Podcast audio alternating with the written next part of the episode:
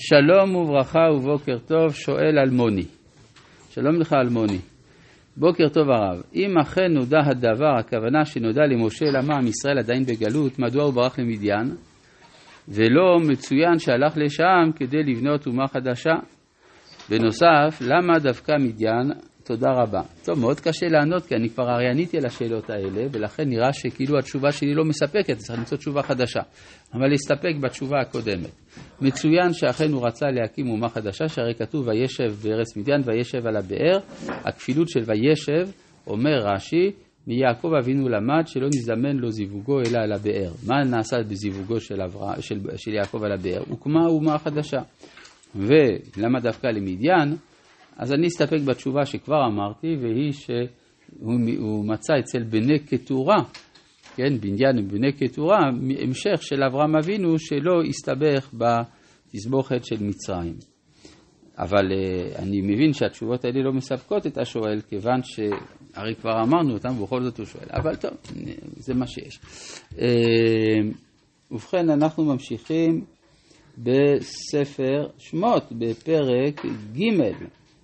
ואנחנו בפסוק, אה, בפסוק אה, אה, ה', ויאמר.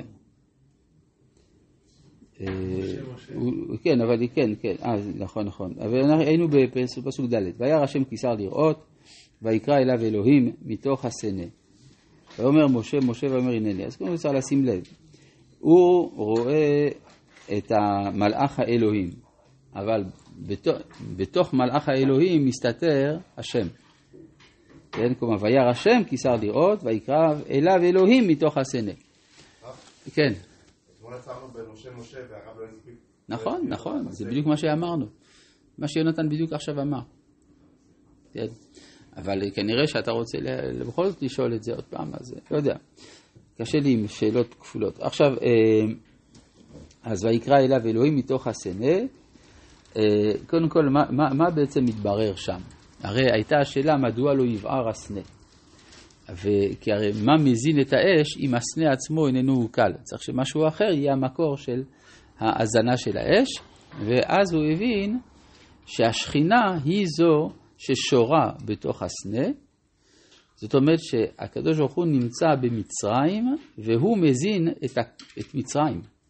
הוא שם את ה... מניח את כיסאו בבית פרעה, ומשם הכוח לשעבד את ישראל. זאת אומרת שהגלות איננה רק גלות פיזית של עם ישראל, זה אומר שהשכינה עוברת לאומה אחרת, ומשם הצרות של עם ישראל.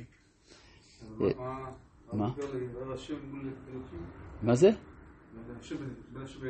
זה בכלל לא אותו הדבר. אלוהים, מה? אלוהים זה אלוהי הטבע. זה כל כוח הוא אלוהים, כן? גם שופט נקרא אלוהים. השם זה מי שרוצה להתגלות אל משה, עוד לא אמר לו את שמו, נכון? אז, אבל הקדוש ברוך הוא כן יודע שקוראים לו השם. אז וירא השם, אפשר לראות, ואז אלוהים קורא לו. אז השכינה זה אלוהים? כן, כן, כן.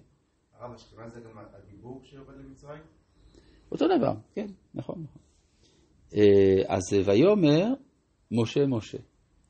ויאמר הנני. טוב, זה כבר הסברנו אתמול, אבל בסדר, נוסיף קצת הסבר. אה, יש הבדל בין אה, משה של מעלה למשה של מטה. כן, משה של מעלה זה הנשמה שלו, משה של מטה זה הנפש, כלומר המודעות, ההכרה הגלויה שלו.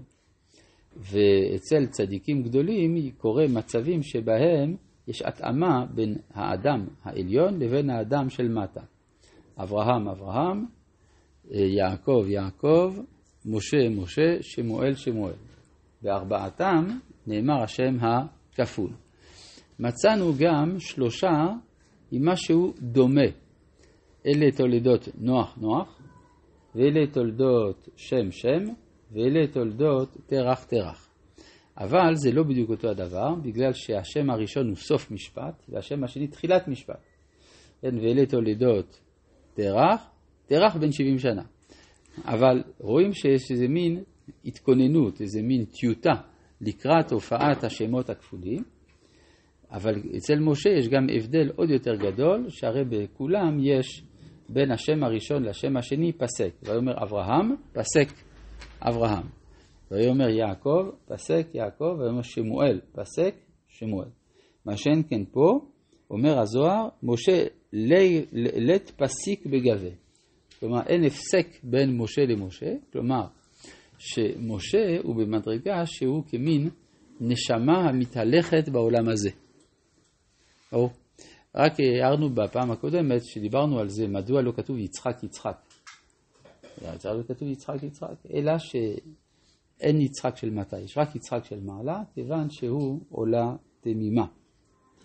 למרות שבנקודה הזאת הוא בעצם טועה. מי? למה הוא טועה? כן, אנחנו מדברים על האישיות שלו, איזה סוג אישיות יש לו, כן. אז אה, האישיות שלו היא אישיות גבוהה מאוד, עובדה שהשם בוחר בו אה, כדי להוציא את ישראל ממצרים. אומר הנני, ויאמר אל תקרב הלום. יש. כן, בבקשה. איך כל הסיפור שיחד להיכנס למצרים, אחד דמים, יודע, אבל כאן כתוב שמשה משה, והם פסיק לא פסיק גבה, נו, ורואים שיש איזה עיכוב עם המלאך. איך כבר במצב כזה כבר יש את המציאות של אין לא פסיק גבה. כלומר אתה אומר משה לכאורה, היה, חז"ל אמרו, משה טירון בנבואה היה. כן, אז איך כבר עכשיו הוא מגיע למשה משה? זה באמת תמוה, אבל אה, אה, הרמב"ם אומר שהקדוש ברוך הוא, מרוב שהוא חמל על עם ישראל ושמר על השבועה לאברהם, יצחק ויעקב, עשה משה רבן של נביאים ושל כל ישראל. מה זה עשה משה? כן? הוא עשה את משה. כלומר, זו יצירה שהיא יותר חזקה מהיכולת של משה עצמו. כן. אה, גם הרב קוק מסביר שמשה לא כל כך האמין שיש ביכולתו להוציא את ישראל ממצרים בגלל שהוא הרגיש שהנבואה שהוא מקבל גבוהה מכוחו. אז הוא לא הבין בדיוק מאיפה זה בא. כן. אה, ויאמר אל תקרב הלום. מה זה הלום? זה ביטוי שלקוח מדרשות של בר מצווה, נכון? אבא ואימא שהביאוני עד הלום. והמשמעות השנית זה מה שחז"ל אמרו, האין הלום אלא כהונה, אין הלום אלא מלכות.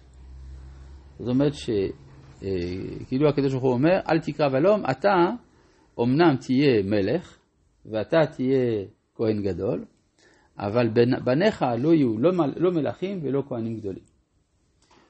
אה, למה זה מצוין כאן? כן? אז מסביר הרב קוק, משום שכדי להקים שושלת, בין של כהונה, בין של מלכות, אתה צריך להיות קצת דומה לדור שלך. אבל משה הוא יצירה חוץ, אה, חוצנית, אפשר לומר, הוא מחוץ לדור, הוא אטיפי. אז אה, אדם כזה יכול להיות, והיה הכרח לייצר אדם כזה לפי שעה כדי להוציא את ישראל מטומאת מצרים, אבל זה לא דבר שיש לו חיקוי, זה לא מעורה בהיסטוריה. לכן לא הכהונה ולא המלכות הם שלו. אז אולי קצת עונה גם על השאלה שלך, דווקא כדי לענות איך יכול להיות שכבר בשלב הזה אומר משה משה מהמדרגה כל כך גבוהה, זה משום אל תקרא והלום, בגלל שבעצם הוא לא שייך לדורו. כן.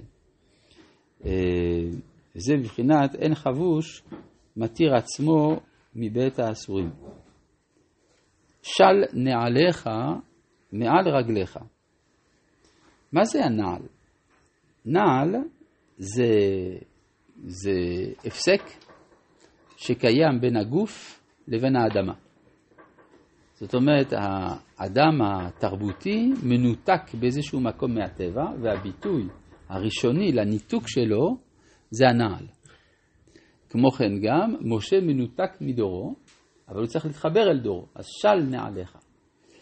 הנעל, באופן כללי, יותר, במובן יותר רחב, הנעל זה הגוף.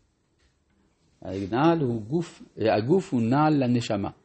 כן, מה שמסביר את כל הנושא של אה, החליצה. אז הנעל, זה, אז בעצם הוא אומר, הפשט מעליך את הלבוש הגופני, או אפשר לומר את החלק הדמיוני שבגוף, כי אתה עכשיו הולך להשיג משהו עליון יותר. של נעליך. פראות של הטבע, בחוץ לארץ או בארץ? מה זה? איפה יש יותר פראות של הטבע? זה שאלה מעניינת, אבל כנראה בחוץ לארץ, כן? או בארץ גזירה, בעזאזל וכדומה. אז שמה באמת יש יותר פראות של הטבע.